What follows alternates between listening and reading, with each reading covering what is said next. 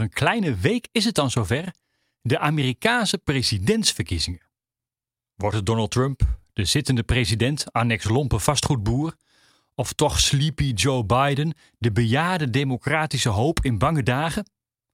Als je de televisieprogramma's en de kranten volgt, staat het lot van de wereld op het spel op dinsdag 3 november aanstaande. En ook vanuit Nederland weten we het vaak beter dan de Amerikaanse president. Want bij ons, ja, daar gaat het politiek gezien allemaal fantastisch, toch?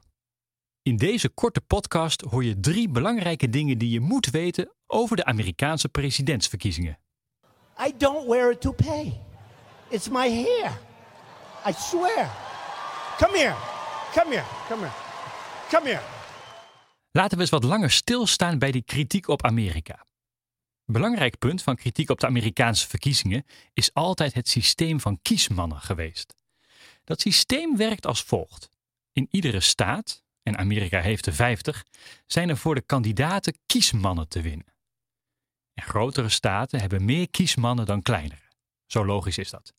En wie als kandidaat de meeste kiesmannen krijgt, wint de verkiezingen en wordt president. Maar waarom tellen ze gewoon niet alle stemmen? En had in 2016 Hillary Clinton in totaal niet meer stemmen behaald dan Donald Trump? Schande! Dat klopt, maar Clinton trok vooral veel kiezers in staten die toch al democratisch waren. En waar het aantal er dus niet echt toe deed. Maar in de zogenaamde swing states, staten die dan weer republikeins en dan weer democratisch bestuurd worden, daar doet het aantal stemmen er echt toe. Een belangrijk voordeel aan het systeem van kiesmannen is dit. Het telt makkelijk en de uitslag is dan ook snel duidelijk. Dat is in een groot land als Amerika van belang. Ga je hoofdelijk stemmen, dus alle stemmen tellen die er uitgebracht worden, hou er dan rekening mee dat je hertelling op hertelling krijgt en rechtszaak op rechtszaak. Dan blijft je land maanden onbestuurbaar en dat is in het geval van de Verenigde Staten niet echt een optie. Ondemocratisch zeg je? Ha, alsof een stem op de SGP de gang van zaken in Nederland wel daadwerkelijk verandert. Ik geloof er niks van.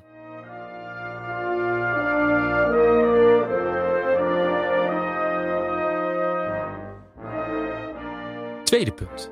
De macht van een Amerikaanse president moet ook niet overdreven worden.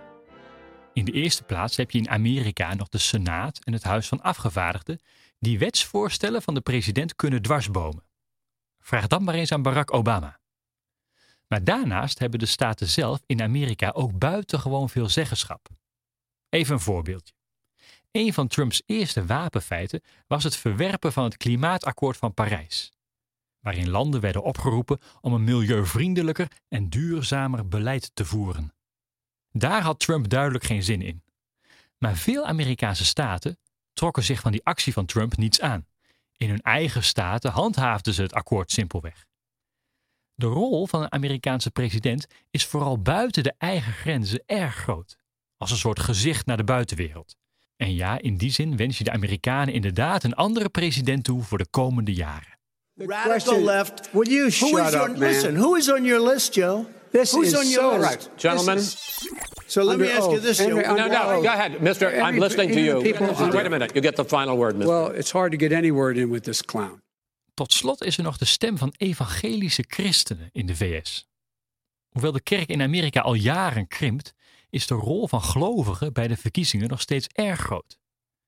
En ook aardig wat evangelische christenen in Nederland zijn op de hand van Trump de laatste jaren. Zij menen dat Trump wereldwijd de belangen van christenen en van Israël behartigt. Dat hij opkomt voor de belangen van het traditionele hetero-gezin en dat hij een stokje steekt voor abortus en euthanasie. Maar de meningen onder Amerikaanse christenen is inmiddels verdeeld. Vier jaar geleden stemden ze vooral nog tegen Clinton en niet voor Trump. En goed, Trump zorgde voor een overwegend conservatief hoogrechtshof. Zes conservatieve rechters tegenover drie progressieve. Maar verder viel er voor evangelische gelovigen in Amerika weinig te juichen. Je had de rellen en de onrust rondom Black Lives Matter. En ook Trumps aanpak van corona heeft geen goede indruk achtergelaten.